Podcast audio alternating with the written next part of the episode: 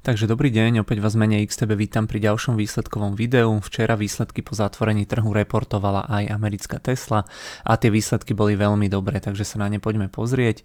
Tá Tesla je dlhodobo jedna z naozaj najobľúbenejších akcií, ktorá je síce veľmi drahá, ale teda to svoje ocenenie e, si pomaličky dobieha. Je to taká dosť kontroverzná firma, nielen kvôli Maskovi, ale celkovo. No a v podstate sú tu viac menej dve skupiny ľudí. Prvá tie akcie naozaj nakupuje bez ohľadu na cenu kvôli tej myšlienke tej Tesly pre druhú skupinu e, je to zase úplne no-go akcia, lebo tá história ukazuje, že Musk e, veľakrát aj historicky precenil nejaké výhľady alebo plány, čo sa týka Tesly, čo sa týka schopnosti generovať nejaké zisky a podobne. Takže naozaj je to také veľmi kontroverzné aj teda pri našich klientoch, alebo teda celkovo, keď čítam nejakú debatu k tej Tesle, takže ja sám som veľmi zvedavý, kde tá akcia alebo kde tá firma bude napríklad o 3, 5 alebo 10 rokov. Takže poďme pozrieť teda na disclaimer obchodovania obchodovanie alebo investovanie sú samozrejme stále rizikové. No a tie samotné výsledky, ako už som v úvode spomínal, boli naozaj veľmi dobré. Zisk na akciu 3,22 amerického dolára, čakalo sa 2,27, takže prekonanie o e, krásnych 42%. Tržby 18,76 miliardy, čakalo sa 17,92 miliardy. Tam to bolo tiež prekonané o 5%. Grafické e, vyjadrenie toho prekonania odhadov ziskov a tržieb môžete vidieť tuto na tej pravej strane. Medziročný rast tržieb bol na úrovni 80%, zisky rástli o 800%, Hrubé marže boli rekordných 29%, pri tom samotnom automobilovom segmente boli marže dokonca až 32,9%. To sa opäť bavíme o tých hrubých maržiach. Z tých tržieb boli tržby z autopriemyslu 16,86 miliardy, takže drvivá väčšina, to je medziročný nárast o 87%. Celkový zisk bol 3,3 miliardy, z toho predaj tých regulačných kreditov, ktoré Tesla predáva iným automobilkám, tvoril 679 miliónov, to je, čo si pamätám, jedna z tých vyšších hodnôt. Tu inak firme pomohli potom aj nejaké nové vládne eh, Bidenové regulácie, tie majú skratku eh, CAFE. Je to zase nejaká regulácia v oblasti eh, spotreby, nejakého zvýhodnenia elektromobilov a podobne, takže túto firme opäť trochu pomohla aj legislatíva. Čo sa potom týka pozície v Bitcoine, tak tam myslím, že Tesla nič nepredávala, alebo som aspoň nič také nezachytil. No, potom ten výrazný rast tržieb a ziskov bol spôsobený samozrejme jednak rozširovaním výroby, nabiehaním na produkciu na nových linkách, ale aj zvyšovaním cien automobilov, ktoré Tesla predáva a ktoré teda realizovala.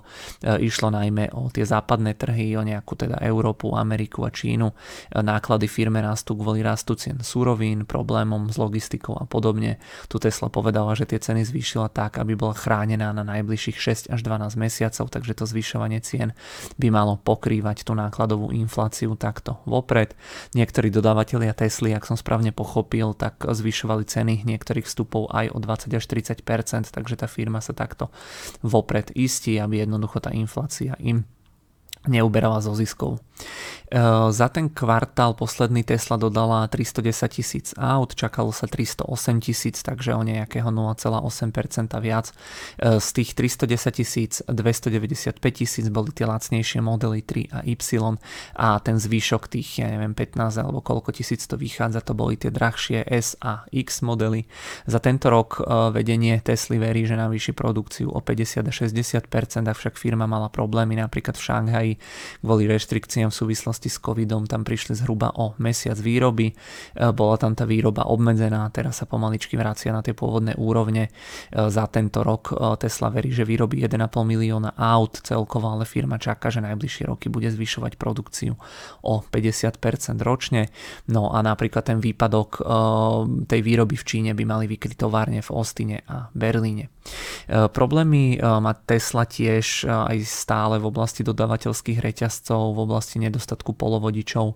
Rovnako tiež Musk e, konečne priznal, že sa precenil v oblasti autonómneho riadenia, že to ide pomalšie ako čakal. Tam bolo to vyjadrenie tak postavené, že už viackrát e, si myslel, že on to tam nejak tak nazval, že, nejaký, že sa dopracovali k nejakému svetlému bodu, ale že nakoniec sa ukázalo, že ešte tam teda nie sú.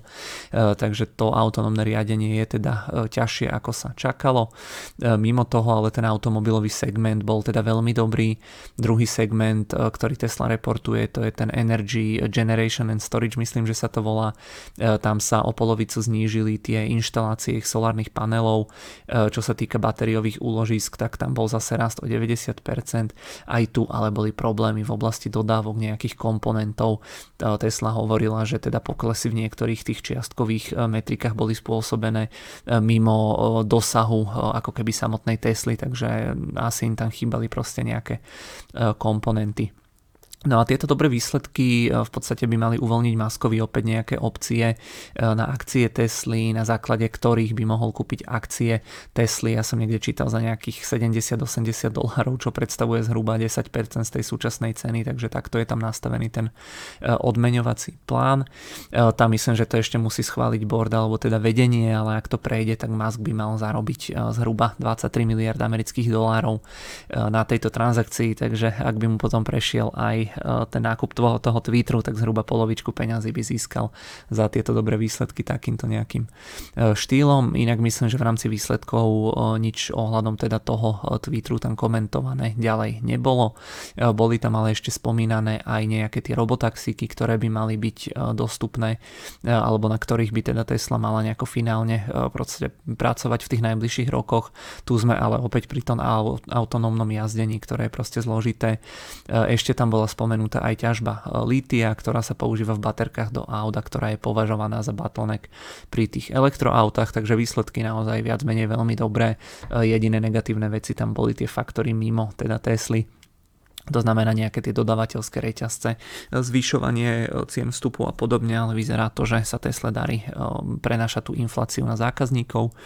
No a čo na to povedali akcie, tie rástli v aftermarkete o zhruba 5,5%, včera ale o 5% klesli, takže sú v podstate tam, kde včera otvorili, takže ten včerajší pohyb sa v podstate vynuloval, ale teda e, je dosť možné, že dnes na tých akciách bude ešte celkom vysoká volatilita. Tu môžete vidieť tie výsledky, market cap Tesly zhruba nejaký 1 bilión, tržby e, medziročný rast 80%, tu sú tie marže, čo som spomínal, e, tu sú potom čisté marže, vidíme, že naozaj e, veľmi pekne tam tá firma rastie. EPS 2,86 na akciu, to je trošku iné ako tie, čo ja som hovoril, pretože tu sú tie adjusted, ale naozaj tie čísla veľmi, veľmi pekné alebo veľmi dobre dá sa povedať. No a tu sú tie čiastočné metriky, tu môžeme vidieť, že teda kde čo, koľko, akú metriku firma prekonala, tu môžeme vidieť vidieť napríklad dodávky tých jednotlivých modelov, si viete pozrieť tú realitu a nejaké očakávanie. E, tu sú tie marže, ktoré boli vyššie, ako sa čakalo a tak ďalej. E, takže viac menej naozaj v tých výsledkoch som nevidel asi nič nejaké negatívne. A tu sú potom ešte tie tržby za tie regulačné kredity. Ja som myslím spomínal, že Tesla to za tento kvartál e, dotiahla až na nejakých, ja neviem, 700, 679 miliónov. Takže tie tržby za tento prvý kvartál tu ešte nie sú znázornené, ale mali by byť ten stopček až niekde túto hore. To znamená historicky asi, asi teda najvyšší, pokiaľ eh, som správne videl. Eh, poďme ešte na chvíľku do platformy sa pozrieť na akcie Tesly tie vyzerajú momentálne takto nejako, keď si to dáme na ten denný graf, tak mal by tu byť vidieť ten včerajší pád zhruba od tých nejakých 5%, dnes tá firma by mala otvoriť niekde okolo tej úrovne 1031, ale hovorím teda tá volatilita tam asi dnes ešte, ešte bude, takže toľko k výsledkom Tesly. Boli, boli naozaj dobré, nevidel som tam nič negatívne, takže vyzerá to, že tá firma pekne škáluje tú výrobu, že naozaj dobieha to ocenenie, teraz keď sa pozrieme, eh, že market cap tej firmy je zhruba 1 bilión, ak by zarábala tá Tesla, eh, ja neviem, okolo nejakých, ja neviem, 12 až 15 miliard eh, za rok, tak tie PIčka už nie sú tých tisíc ako boli, ale ja neviem, okolo stovky alebo pod stovku. Takže to vyzerá, že sa to dostáva na nejakú normálnejšiu úroveň.